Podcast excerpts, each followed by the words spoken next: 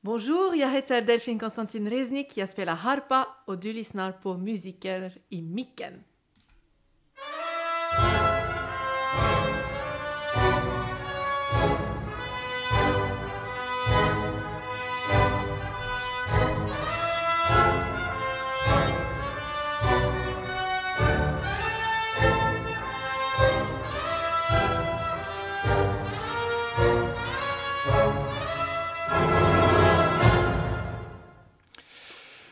Bonjour et bienvenue sur le podcast musicien dans le microphone Ja, men avec le guest Filip, spécial. Filip, eh, Derrière le mikrofon. Filip, vi måste köra på svenska tror jag. Men kan vi inte vara lite internationella? Hola y bienvenidos el podcasto de músicos del microfono avec el guest spécial. Ja, men eh, svenska då? Varmt välkomna till nattens Jag menar musiker i micken. Nej, okej. Hur som helst. Ska vi sluta busa och börja jobba? Idag, varmt välkomna allihopa, har vi en superspeciell gäst. Vår fantastiska harpist, orkesterns stjärnskott, Delfin. Varmt välkommen. Tack Filip, tack Rickard. Varmt välkommen. Vad kul att ha dig här. Det tycker jag också. Jag tycker det är kul att vara här. Du är, Prata en, med ja, du är en profil. Eh, och du har blivit mer och mer en profil genom åren. Eh, det ska vi komma till. Eh, varför? Men eh, vem, vem är du? Vad döljer sig bakom dig? Väldigt... eh, om jag ska kortfat- kortfatta det så... ehm, ja, då är jag, kommer jag från Frankrike. Med, har även rumänska rötter. Men född och upp- uppvuxen i Frankrike. Och eh, så kom jag till uh, Norrköping eh, 2008. Började jobba här. Efter jag vann provspelningen. Vart hade du varit innan? Innan hade jag eh, studerat i Frankrike och Schweiz och tagit master i Zürich Hochschule der Künste. Jag, vet att just på den provspelningen som du vann eh, så var det väldigt många som kom. Eh, Och de kom från hela världen och det där tycker jag är fascinerande. Jag menar en sak, man tar sin lilla flöjt eller sin lilla fiol på, på ryggen och så åker man iväg. Men harpa blir på ett annat sätt. Eh, Har man Var- med sig sin harpa? Ja, det är det jag tänkte fråga. Det är väldigt olika. Alltså, just på den provspelningen kunde man ta med sitt harpa, men det var omöjligt för mig. Jag flög från Zürich. Så. Och sen fick man bara eh, provspela på harporna som fanns. Men det var väldigt väl organiserat. Så vi, hade, vi kunde välja eh, tider där man skulle, kunde öva, värma upp och vi fick samma modell. Alltså det, det var väldigt väl organiserat så det kändes ganska bra faktiskt. Och det är någonting som är väldigt vanligt. Det är väldigt sällan som man får provspela på egen harpa. Eh, Men det finns olika system va, på harporna? Ja, det finns, alltså, det finns olika märken. På, pe- alltså, just på pedalharpor finns det eh, tre eh, huvudbolag. Mm. En amerikansk Lion Healy, en italiensk Salvi och en fransk Kamak. Och eh, man måste kunna spela på alla. Är det Eh, stor och skillnad då? Nej, men det, ofta, ofta är det olika avstånd mellan strängarna. Eh, pedaler känns på eh, olika sätt. Och, och varje harpa är annorlunda. Alltså, Mm. men, men samtidigt, om du har samma modell så vet du ungefär. Och man är van att byta väldigt ofta så att man, man blir van på en ny Mm. harpa på sådär. Men, men det är inte så här att när man, är till, innan en provspelning så skriver man så här, jag, eh, skriver man till orkestern, jag vill gärna spela på en, mm. eller att orkestern skriver, de här harporna finns, vilken Ja. vill du spela på? Så. Ja, men det, Ja, eh, Men hade de så. alla tre till förfogande? Eh, nej, de hade bara Lion and Healy. Mm. Eh, precis på den tiden. Ja. Alltså jag tänker visst, om man frågar en konsertpianist så kommer Ja. en konsertpianist säga det är enorm skillnad på en Steinway och en Yamaha och en Ja. Bösendorfer Mm. och Fazioli och gud vet vad. Men jag, jag är ganska säker på att avståndet mellan tonerna är samma på allihopa. Cembalo och orgel kan vara mindre. Men inte, varför har inte harpbolagen bara bestämt Mm. en standard? Ja, tänkt det hade varit jättefint. Men, eh, nej, men det är lite olika material, olika trä, olika sätt att bygga. Eh, och de, det är vissa som tänkt, tänker, ja, men om man har lite större avstånd där eh, på högregister, då blir det lättare. Eller tvärtom faktiskt. Ja, men, alltså, de har gjort exper- experiment och då har de tänkt att ah, men det här var bra, men den andra har tänkt nej, det var inte så bra, så vi, vi, vi ska vara kvar där vi var. Och då måste vi eh, Anpassa det. anpassa. Men alltså Ja. det, det, det, är, det är olika avstånd mellan strängarna Ja. i de olika I olika registren Ja. också. Genom Ja. olika register på instrumentet. Ja. Så att det, men det är ganska... Och I princip. svår- Men, Ja, men det, jag tänker på när man ska gö- göra ackord eller göra en rörelse. Så ja. eh, hand, handen kan ju plötsligt behöva bli större när man ska ta det där greppet. Kling! Liksom så. Men eh, Mm. vi ba- ska bara backa eh, något rent historiskt. Eh, harpan som instrument. Mm. Vi snackar, det är flera tusen år. Ett av världens äldsta instrument. Mm. Eh, Har, har du någon historik? Eh, Hur gammalt är det? Liksom? Vad vet man? Alltså, man vet att det var Davids harpa i Bibeln. Så jag tror Mm. det, kommer, det går väldigt långt bak. Men det var en annan form. Det var en liten harpa. Eh, lyra, alltså. Mm. Flöjt och harpa, tänker jag. Det är de, Ja, just det. de, äldsta. Men det är också, man, man kan förstå för att det är ju...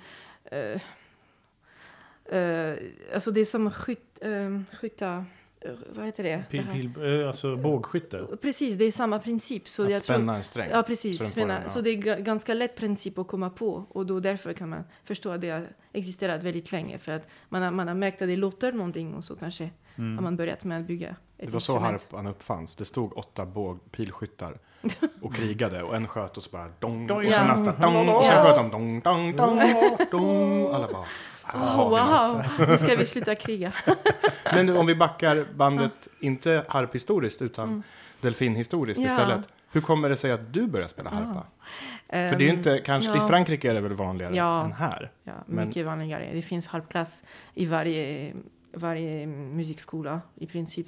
Men ehm, jag fick eh, börja, musik, börja med musik när jag var fyra med lite vad heter det, initiation i två år. Man fick klappa i händerna, sjunga, spela xylofon och så där. Det var kul. Och sen när man blev sex år gammal så fick man prova under ett år olika instrumenter. Varje instrument fem veckor. Jag fick prova, inte Wow. på alla, men jag fick prova på fiol.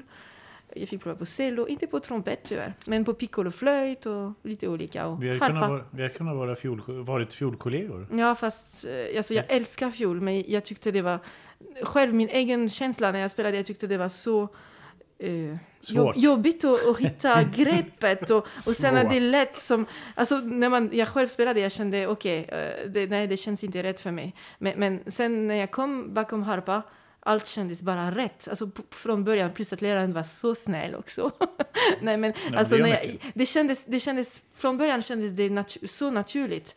Och eh, så naturligt att jag fick hoppa in i harpklassen tidigare än året efter och spela konsert med dem redan direkt på samma år för att jag hade bestämt mig direkt att det var det jag ville spela. Så det, och så, det kändes harpan, det är en stor instrument och jag kan gömma mig bakom men samtidigt alla, alla ser mig.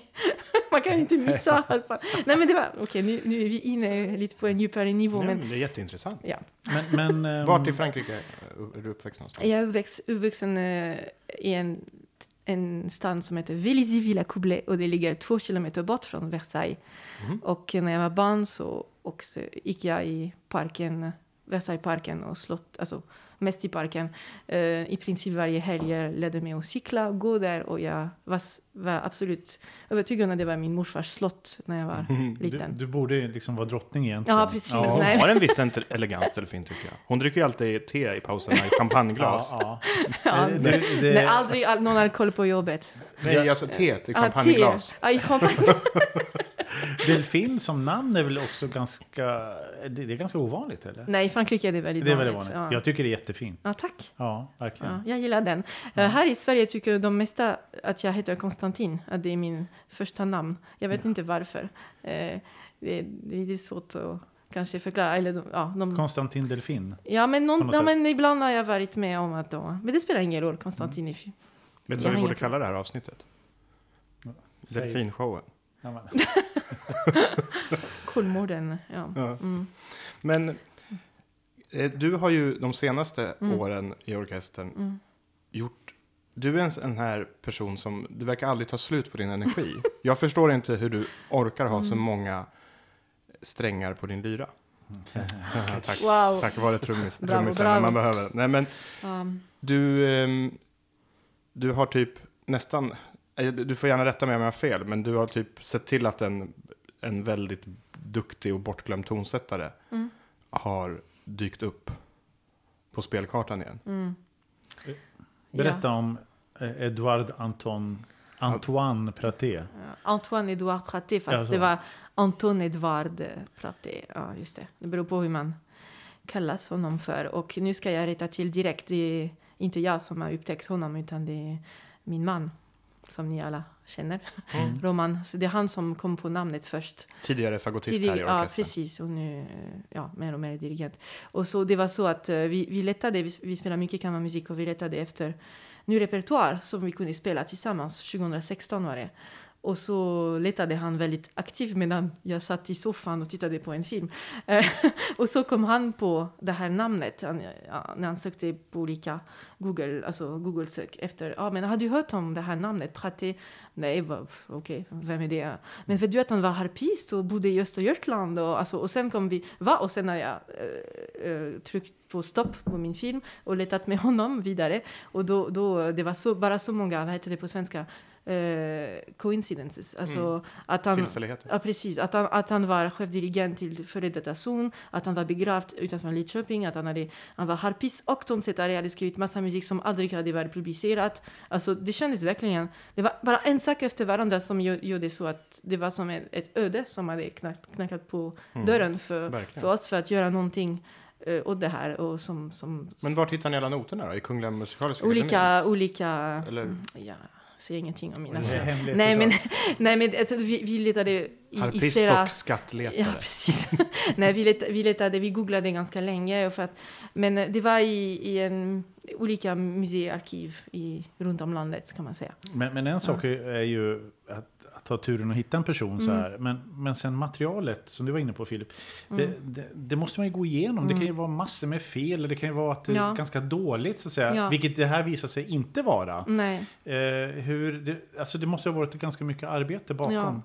precis. Och alltså, när, jag, när jag fick tag på var en stor del av arkivet var så åkte jag dit direkt och eh, fick kopior på noter och så, så kollade jag verkligen och, och fick hjälp av eh, Stig Jakobsson som är musikvetare här i Östergötland och, och vi, vi kollade på kvalitet, kvalitet på, på musiken och så där och kom på att det var någonting också intressant och jag spelade igenom allting, allt vad jag kunde men det var så mycket, jag har inte kommit igenom allting än och jag har inte hit- hittat allting än också så, så det, det verkade att det var någonting som man, man kunde arbeta med och, eh, och så kom vi, alltså det är också Roman som, som säger men ja, det här med festival och sådär, som, det är mycket som man kan göra ut, utifrån det så att det blir också på många sätt är det jätteviktigt. Men han var också från Frankrike? Nej, absolut inte. Nej. Han, är- han, är- nej, det var faktiskt eh, skönt för honom att ta en lite fransk namn. Men han, är, han Aha. var född i, i eh, Böhmen, nu- nuvarande Tje- Tjeckien. Och i en tysk familj. Och de, de, hade, de, de hade dockteater, dockmarion, Mm. Marionetter. Marionetter, Marion, ja, precis. Och de turnerade, de var väldigt eh, kända och de turnerade i hela Europa under Napoleonstiden. Och då var det bättre att vara här i Sverige för att det var mindre krig. Så de, de, de hamnade i Sverige och eh, anspelade harpa i pauserna och sådär. Och hjälpte till i, på teatern. Och sen på, någon gång ville han ifrån sin familj för att det visade sig att han blev misshandlad av hans far. Och jag vet inte. Men han, ja, han stannade i Sverige i alla fall. Men han hade ändå en internationell karriär. Men bytte han namn? Eh, Men då, alltså han är född som Georg Anton Bratt. B- BR. Georg, Nej, Georg Anton Bratt, precis. BR. BR, ja. Eh, och, eh, men Praté lät mer sådär. Antoine, Anton Edouard eh. Men det, var det också redan då för att harpan var väldigt fransk? Och med ett Jo. franskt namn så framstod du som en Ja. ytterst kompetent Ja, harpist. precis. Du behöver ju inte ditt namn för att Ja. framstå som en ytterst Fast mitt kompetent namn är lite löjligt. Min, min förnamn är ju fransk, men sen min första efternamn Konstantin det är ju från Rumänien Ja. och min efternamn är från Ukraina, så från, från Roman. Så Och det tog du när Ja. du kom till Norrköping, så du och Praté, ni har så mycket Ja, gemensamt. precis. Nej, men det är bara helt otroligt. Nej, faktiskt, när jag tänker på det, det är... Ja, Men vad, vad, förutom, alltså vad har han skrivit för någonting? Det, det, Ja. Mm. det ni har hittat, eh, för jag kan tänka mig att man kan ju faktiskt bli lite besatt av en sån här grej när man, eh, ni vet när man hittar en grej. ja. Och liksom bara så här, man, det, det blir, som, det blir som, en, som en drog, man måste bara vidare och Ja, vidare. vidare. Men kan du berätta någonting vad han har gjort förutom eh, musik för harpa? Han har skrivit... Eh, Mm. Ja, just det. Han har också skrivit eh, symfonisk musik utan harpa. Eh, då, alltså, bland annat en ouvertyr som vi har spelat förra veckan för första gången efter 150 år. Och sen eh, symfoniska dikter och även verk med kör och orkestern och recitatör och, alltså väldigt, och, och jägaresång och han har skrivit för Kungliga hovet. Eh, alltså massa, massa olika, i massa olika form. Så det var inte bara en harpist som hade börjat komponera utan det var också en, en tonsättare på riktigt, tror jag. Verkligen. Det är, ingen, det är så många harpister som var väldigt virtuosa och har spelat, um, skrivit fin musik för harpa. Men så fort orkester kompar, det, det, alltså, det är så dåligt gjort. Alltså, kompet, det är så ointressant. Men nu känns det inte så med, Men Praté, med han, just han, Praté kunde, faktiskt. han kunde det här. Ja. Ska vi inte... Vi kan ju lyssna. Vi Vi har lyssnar. lite, men vi, ungefär vilket, eh, vilken decennium pratar vi nu? När är den här ouvertyren Ja, skriven? eh, jag tror det var, om jag, är, om jag är rätt, jag tror det var på 18 1830-talet. Mm. Jag tror det, men jag är inte helt säker. Eller 40-talet. Och det vi ska lyssna på nu, Ja. det är ouvertyren som heter Le Nord, alltså Norden, eh, som han skrev. Och det här är för orkester. Och här gjorde vi på eh, den eh, som orkesterkonserten på Harpfestivalen, som vi kommer att komma till alldeles strax. Men eh, om du trycker igång det här Felix. Mm.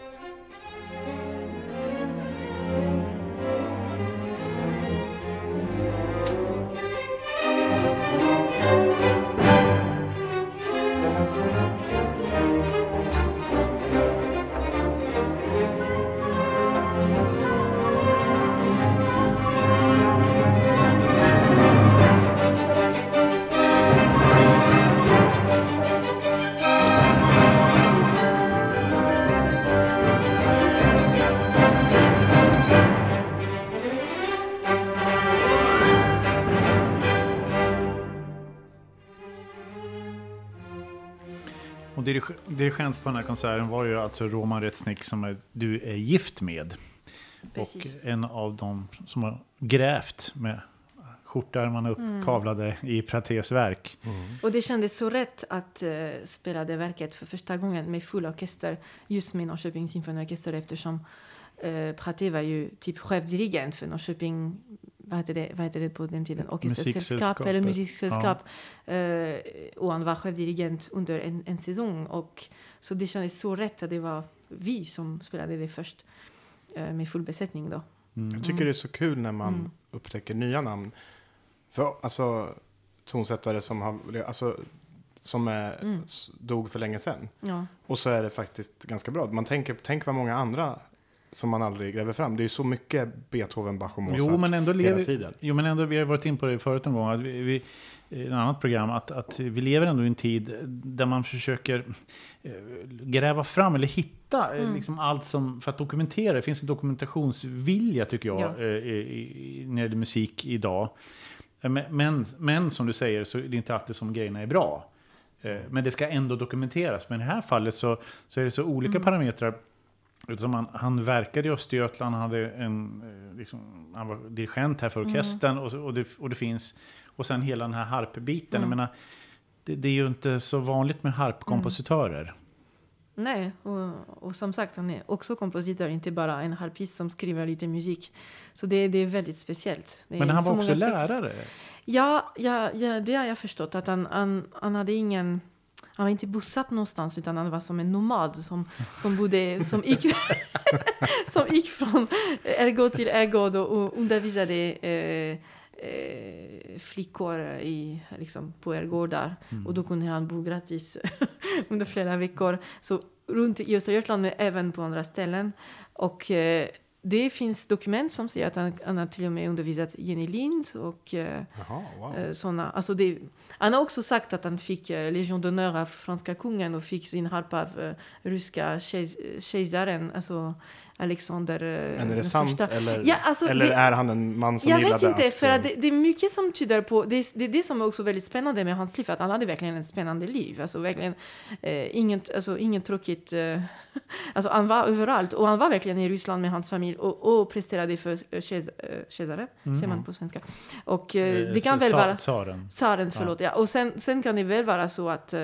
För att vi har också dokumenterat det, det, alltså det finns en harpan som kom från tsaren som är i Sverige nu, eller som har varit i Sverige. Så, och sen det här med franska eh, han var känd också i Frankrike, det finns i, i franska tidningar, finns det, ja men det här Virtuos Praté var i Leipzig och, och, och verkligen eh, eh visade att han var harpkungen från Norden. Och, så, alltså det, alltså, och sen till och med när han dog, eh, 1875, så skrev Chicago Herald Tribune en artikel om honom. Den really remarkable praté with remarkable, music. Uh, så det, det tyder på att han kanske även varit på turné där. Fast, han ville åka på turné på, till Amerika. Mm. Men vi har inte, vi har inte hittat någon mm. bevis än. Men det, jag skulle inte vara förvånad att så det, det, är så mycket som vi inte vet, som är, det är så spännande. Vilken, vem ska skriva boken om Pratera? Ja, men Stig Jakobsson ja. har redan skrivit, skrivit ja. en bok om ja, Pratera, både på svenska och engelska. Bara en skrift på ja. 45 sidor som är väldigt bra ja, att läsa. Den, jag har läst den. Den är jättebra. Ja. Jag, jag, det är precis som du säger, alltså jag, jag undrar så här, när kommer filmen? Mm. Allvarligt? För att det är en nej, sån story? Är, nej, men det, mm. det, är, eh, det är ett filmmanus. Mm. Alltså hans liv, jag mm. håller med. Det, och det är mycket som vi fortfarande inte vet, som jag, jag känner nu att jag kanske ska digga lite vidare. För att Ja, ja. ja, det är så, så spännande. Jag kan, alltså, Filip eller jag skulle kunna spela huvudrollen. Ja, det tycker jag. Eh, eh, men hur som helst. Det, det väldigt... Vi skulle vara så fina bakom en harpa. Men, men alltså det här med, att, ja, ja, ja. med, med en harp... Um, harp, harprepertoar. Eh, så det fanns också en vilja hos dig att dokumentera mm. detta på, på skiva. Ja. Och eh, hur gick tankarna där? Mm. Med hans... ja, men jag tänkte visst, alltså, jag, jag har hittat musiken så ska vi den första som spelar in den, det är ingen fråga. Mm. Liksom, och, och uh, samtidigt, det, en annan aspekt som blev väldigt stark för mig, det är att, att läsa hans musik, spela hans musik, det känns så speciellt för mig, rent fysiskt. Alltså, det är så um, trevligt att spela, rent fysiskt. Alltså, jag vet inte, det är någonting, jag har en speciell relation till just hans musik när jag spelade den. Så, så det, jag tänkte men det är så, också det är så intressant musik för harp att det blir en jättebra tillskott till harp repertoar. Ja. Så då, då det är ingen fråga, det är någon annan än jag som ska göra det. Förstås är det jag som ska spela in den mm. första, så det är ingen fråga. Och jag är så glad att det gick att göra i alla fall en del av det vi, vi spelade in, som ni vet, eh, förra året för BIS. Eh. Men jag minns vilken otroligt svår harpstämma det var. Alltså för dig, det lät hur enkelt som helst när du spelade. Men ja, den var ju extremt virtuos. Ja, det, det var virtuos, men, men mm. på ett trevligt sätt. Alltså, jo, det, var, det är inte virtuos, men det känns hemma för mig. Jag vet inte hur jag ska säga. Jag tror inte, men ja. är det inte så med, med, med, med tonsättare som, som vet hur instrumentet mm. är beskaffat? Mm. Att, att, eh, så är det för alla instrument tror jag. När man har en tonsättare som vet hur det funkar, mm. då känns det bra på något, på något sätt. Mm. Han visste hur man, hur man skrev för harpa och därför ja. kanske känns väldigt rätt eh, när man spelar det. Jag håller med. Eh, mm. De, de som var här på den här eh, harpfestivalen, mm. Eh, har de, vad tycker andra harpister om hans musik? Ja, ja, jag vet inte riktigt, men jag tror att uh, de flesta blev tagna av hans musik faktiskt. För att nu, det som var nu med det här nu, det här senaste harpfestivalen som vi hade förra veckan, som var den andra International Praté Harpfestivalen Competition, då fick varje tävlande förbereda och spela ett verk av Praté i första omgången. Som, alltså jag har, obligatoriskt? Obligatoriskt, och de fick välja mellan tre olika. Och de flesta var det ja, mellan två av dem. De, de två som jag spelade in på skiva faktiskt. Och eh, ja, vissa av dem hade verkligen förstått eh, hur man skulle spela hans musik. Men för det är också ett sätt att mm. sprida musiken. Om ja, man gör absolut. ett obligatoriskt stycke ja, ja, så måste därför. du öva in det även om du... Ja. Och sen så har du gjort det och sen så har du den mm. i din mm. repertoar och, sen, och, och, så vidare. Mm. Det som jag tyckte var så fantastiskt förra veckan var att de här... Nu lyssnade jag bara på de finalisterna. Mm, mm. Eh, men vilken hög nivå det var. Det här var ju folk i 19, 20, 21, 22 års åldern. Precis. Och alltså, Mm. Det, de flesta hade ju aldrig spelat med en orkester förut. Nej. Men vilka, vilka musikanter det var. Mm. Hur, hur skulle man kunna bygga upp en harp, eh, alltså eh, instrumentets spridning i Sverige? Hur skulle man göra? Jag menar, om det, inte, det måste ju finnas någon som kan undervisa först och främst. Mm. Men, eh, men jag tänker på kulturskolan och så här, Det mm. finns ju små harpor utgår jag ifrån. Jo. Ja. Mm. Jo, det finns också folk som, som försöker, jag inkluderat, att uh, sprida, eh, och sprida kunskap om harpas. Alltså, det finns folk som är väldigt duktiga med just ny, nybörjare. Eh, och jag känner mig mer hemma med de som är redan lite avancerat, eh, avancerade. Och det finns mer och mer intresse också för Sverige som land. För att man förstår att det också finns ganska mycket utrymme när man vill jobba som harpist. Det finns också ganska många möjligheter just i Sverige. Så um, jag hoppas att det vi, vi, är en, vi är liksom en vi är, inte någon officiell organisation än i Sverige. Vi är ingen för, officiell förening av harpister, men det är ett nätverk och, och jag, jag kan se att de flesta undervisar och uh, vill gärna att harpa ska, ska spridas ut som instrument. Men även på, på, på hög nivå uh, också. Det- Jag ska Mm. också säga det att den, den skivan som Mm. du spelade in med oss Mm. förra året, den har ju blivit väldigt väl mottagen. Den har fått Mm. väldigt bra Ja, liksom, Mm. betyg Ja, eh, på eh, Mm. olika tidskrifter och på, på, på P2 och allting Ja, på det. Mm. Det måste vara väldigt roligt för dig. ja, det känns fantastiskt. Alltså, verkligen. Det, Så när kommer, Överlycklig. ja, men när kommer, eh, ska vi, när kommer tvåan? När kommer uppföljare skivan? För det känns som det finns, borde finnas Mm. Ja. material för att göra ännu en skiva. Ja, men det, det, finns, det finns det verkligen och, och eh, det pågår lite diskussioner. Jag hoppas att det kommer snabbt någon, någon typ av uppföljning. Och Jag tycker kommer det är väldigt viktigt. Det var, först, eh, Mm. det var här ni först hörde det, kära lyssnare, att det kanske kommer en uppföljare på Praté-skivan. Men passa Det på att lyssna. kommer en uppföljning någon gång. Men den Jag finns, säger det. den, den finns väl på Spotify och alla sådana där eh, ställen. Eller så kan man köpa den fysiskt. Den är släppt på Mm. skivbolaget BIS, tror jag. Mm. Mm. Eh, Men, men det här, eh, eh, okej, eh, ni hittade Praté, det Mm. var, Mm. okej vi gör en skiva. Men sen det här med harpfestivalen, det är ju Mm. det, är som att man kör en sportbil, man växlar upp hela tiden till Mm. någonting som blir bara en, större och större och större. Mhm. För att anordna en festival är in, ingenting som man bara eh, Mm. gör så, sådär. Hur, Nej. de tankarna, hur, hur kom Ja. de till? Mm. Eh, ja, den drivande kraften bakom heter Roman. och sen när jag har gjort eh, arbetet, alltså jag har haft en, jag har en underbar team bakom mig som hjälper mig med budget och, och hela logistik och, och sen har jag känt det här otroligt stöd av uh, Norrköpings symfoniorkester. Eh, vi fick vara här i lokalerna och den här gången fick vi även samarbeta med Norrköpings symfoniorkester. Uh, alltså det känns väldigt viktigt eftersom Praté är ju så eh, vad heter det, uh, connected, mm, bundet, eller ja, Mm. eh, Kopplad. kopplad tack, till uh, Norrköping och Östergötland. Att visst kan man göra någon typ av hyllning för honom eh, här. Alltså det, och och det, alla ska, eh, hela världen ska veta om dig. Det är också väldigt bra för uh, Norrköping och regionen och även Sverige som um, harpland. Mm.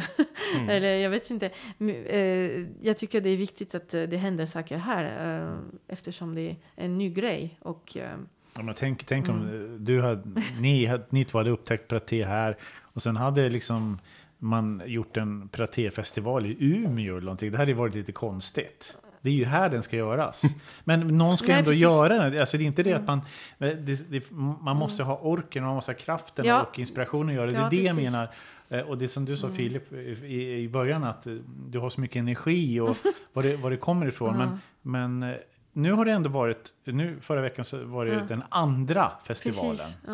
Eh, för det var två år sedan vi gjorde förra Eh, gången. 19, maj 19. 2019, precis. ja, precis. Ja, sen kom Eh, pandemin. Mm. Så att då har det ju Mm. En gång är ingen gång, två gånger är tradition. Så att nu, nu är det liksom, nu är det på banan på något sätt. Mm. Hoppas man att det kan fortsätta. Jag hade, jag hade det här eh, av en kollega dagen efter sista konserten. Nej, jag gjorde den tredje festivalen och jag sa "Nej, men nu vet jag inte hur jag heter. Jag är så trött. Mm. Men eh, visst, alltså, självklart man ska inte stoppa här.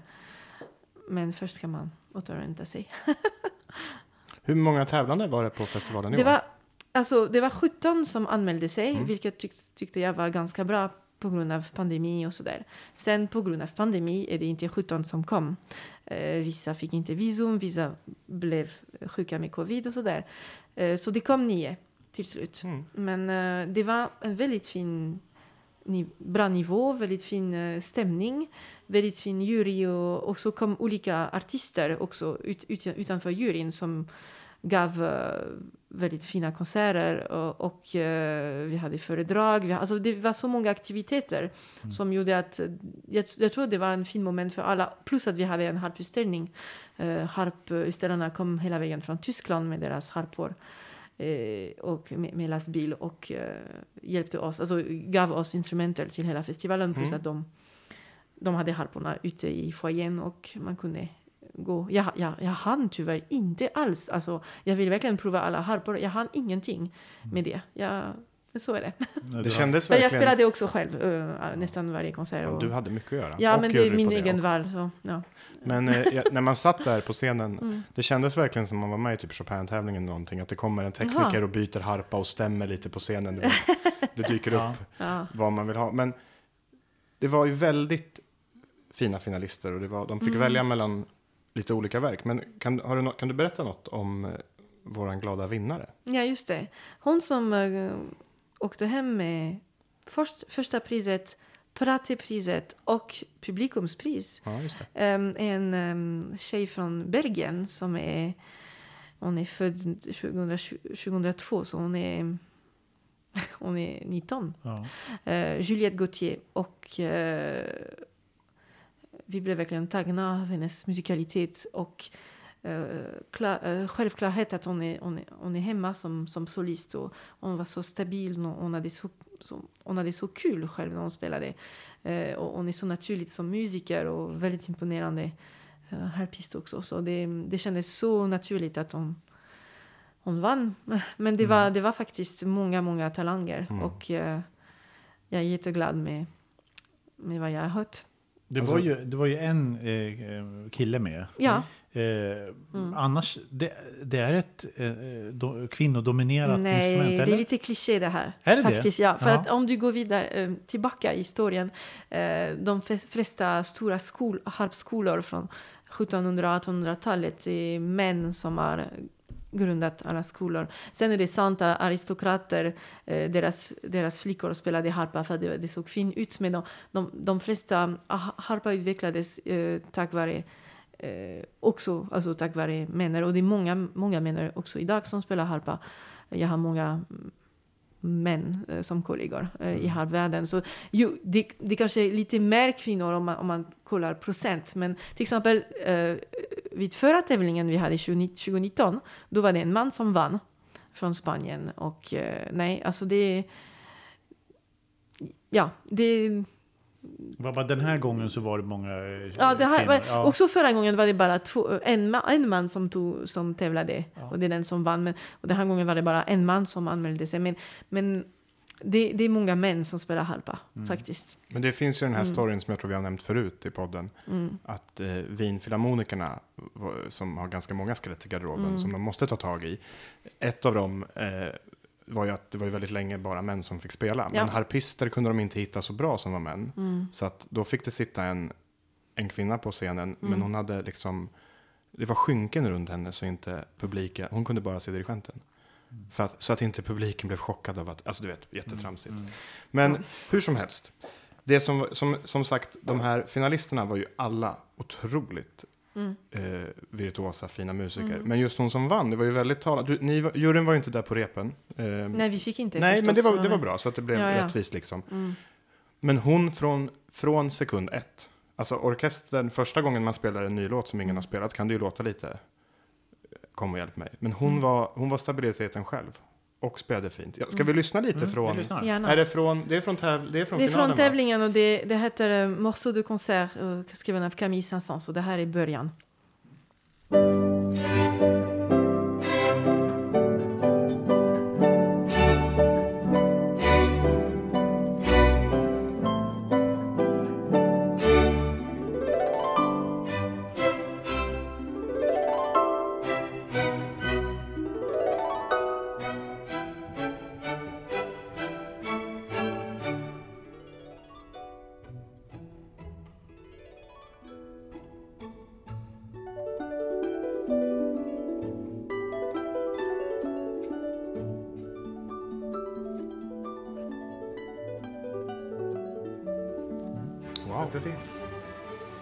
Den som har studerat en harpa lite närmare så här, när man har suttit i publik och så där, kan ju se att det är, det är olika färger på vissa av strängarna. Någon är blå, någon är röd och sådär. Kan, kan, kan du inte avslöja vad det, vad det betyder? Mm, nej,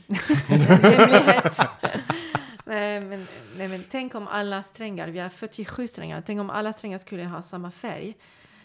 Wow, alltså jag skulle bli tokigt. Alltså jag kunde jag skulle bara se vitt överallt och Ja. inte veta. Så det är bara för att, för att få lite hjälp, för att veta var man är någonstans. Så alla röda strängar, det är ju alla C. Och alla svarta alternativa blåa strängar, det är alla F. Och då vet du. Det är kanske därför det är lite färre män, män som spelar, för att färgblindhet är vanligare bland män.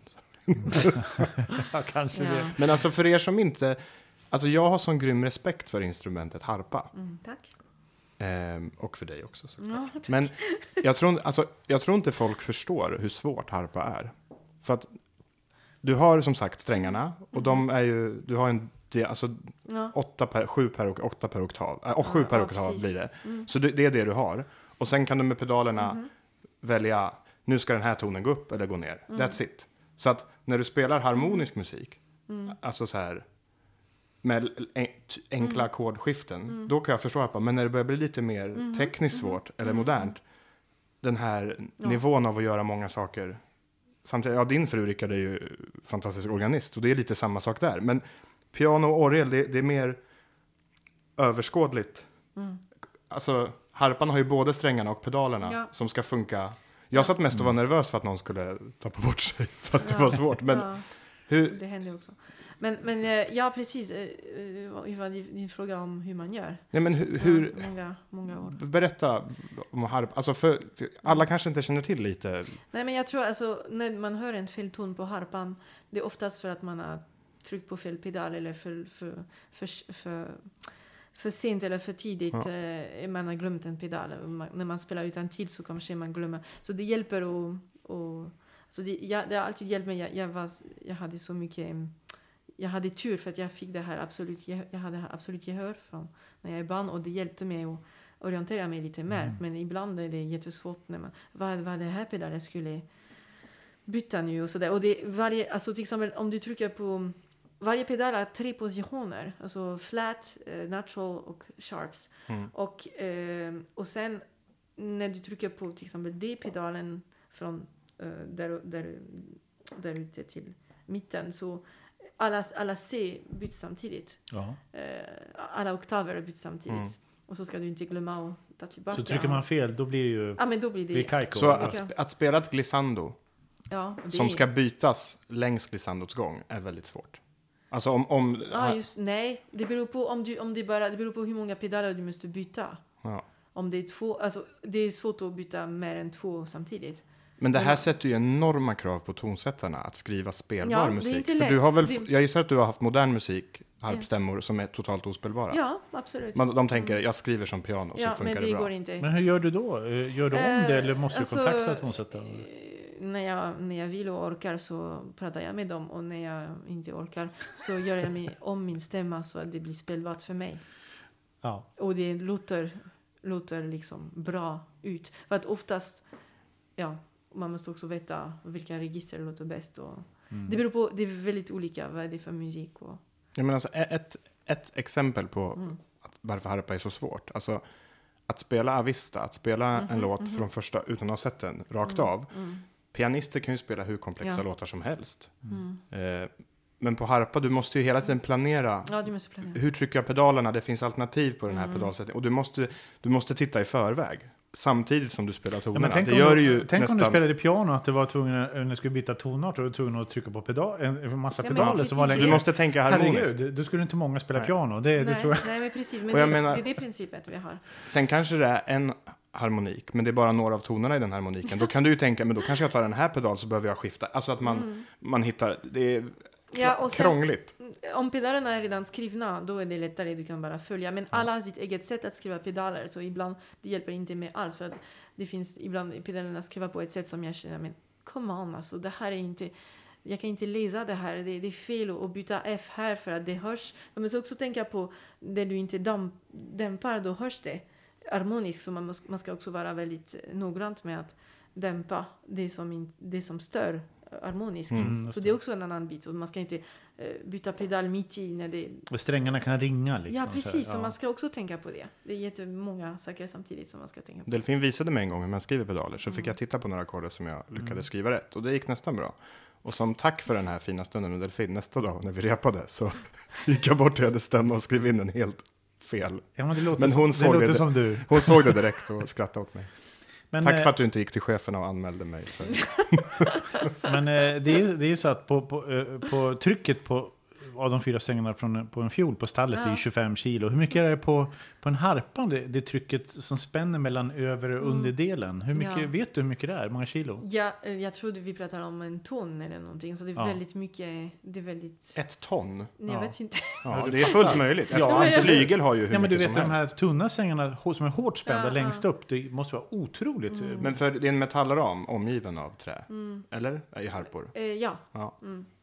Ja, menar du mellan, mellan varje sträng? Nej, alltså hela totalt instrumentet. hela Jag instrumentet. tror det är väldigt mycket uh, tryck, alltså verkligen. Jag tror att, uh, ja alltså det är alltid, jag, jag är rädd, um, eller var jag rädd från början, när en sträng är på väg att gå av, Mm. man ser och man, alltså när jag var, jag kommer ihåg när jag var tonåring och övade hemma någon gång, det var en sträng som gick av på eh, min, Nej. min, min öga direkt, på sådär. Ja. Och det var som en värsta trauma. Jag bara skrek och, och förstås min familj, de skrattade åt mig också. Så, men sen har jag lärt mig att byta i förväg. Men ibland kan du inte se för att de, de, de, de blir kaputt alltså, un- underifrån, så ser du inte. Men Och så, alltså, har, har någon blivit blind? Av, Ja, när kanske. ingen du vet? Beethoven blev döv av harpan. Ja, jo, men jag tänker, tänk, tänk, ja, men du måste, det är klart, den är i vinkel mot ansiktet, men det måste, nej, alltså det, kom, alltså det kom verkligen precis bredvid ögat. Sen är det inte så att...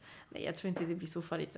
Men man vet aldrig. det kunde vara ganska coolt med massa R så här, så här. Du har övat mycket. Nej, så, Det- är, du, är, du, är, du- är du pirat eller fick- kriminell? man Nej, fick- harpist. Man fick redan alla de här blodsår, alla första... På fingrarna. På fingrarna, alltså verkligen med blod och allt möjligt. Vad är harpsträngarna gjorda av? Ja, alltså de, de eh, där nere, De eh, tjockaste? tjockaste det är ju metall och sen är det tarm. Jaha, Och sen de där uppe det är nylon. Det nylon. kan vara Ja, nylon. som men, en gitarr typ. Men så, Men- från början naturligtvis tarm alltihopa, eller? eh, jag, jag tror det. Ja, Ja, Och då måste strängarna gått hela tiden. När Praté höll Ja. på, då kanske strängarna gick hela tiden. ja och jag tror... eh, Och den lät nog lite mindre, Ja, harpan. och, och ja, precis. Det var inte exakt samma modell och eh, det var, han fick så många fina recensioner. Men det var också många som sa att det var också lite min tonation och ja, Mm. Där och där. Det kan Så- inte varit lätt alltså. Alltså- Nej, plus att han fraktade harpan överallt när han turnerade över hela Sverige i, vi- i vinter. Jo men, det, jo, men jag tänker också Ja. för att stämma metallsträng. Eh, det är en sak, eller nylon, som, Mm. som en, men en fårtarm är ju mycket Mm. mer flexibel. ja, i, och liksom, Ja. Alltså, Ja, det, det, vad fint ja. du sjunger. ja, men det måste vara jättesvårt att få liksom en harpa, en hel konsert med Precis. 1837. Det, det kan Plus att inte... du trycker med dina fingrar och... eh, men jag, nu är det syntetisk tarm. Jag tror inte att jag spelar på en riktigt tarm. Jag tror det är syntetiskt. Jag Men är, är, är varje sträng unik på harpan? Måste du köpa, eller kan du ta en sträng? Om, den, Alltså- om den går sönder, kan du ta en sträng? eh, Förstår du? Är de, är det, Ja, alltså de, de stora, då, då är det en per. Ja. Men per paket. Men om du, om du går i mitten av harpan, då, har- då har du två, tre på köpet för det eh, längden räcker. Ja. Eh, om, om vi var på, om vi hade konsert i Linköping till exempel och en sträng i mitten sprack. Ja, Och vi har inte med oss harpsträngar. Skulle man kunna ta en pianosträng? För, Nej. bara som Nej. Sista minuten-räddning? Nej, Inte alls. Nej. Men hur, hur löser man inte? det då? Spelar någon... Ja, man måste ta med sig strängarna. Hur många har du med dig? Eh, för, minst 47, för det är 47 strängar. Så man, man hade en påse. Men ibland när det händer, det händer mitt på en konsert och så måste jag kolla, okej, behöver jag den här strängen?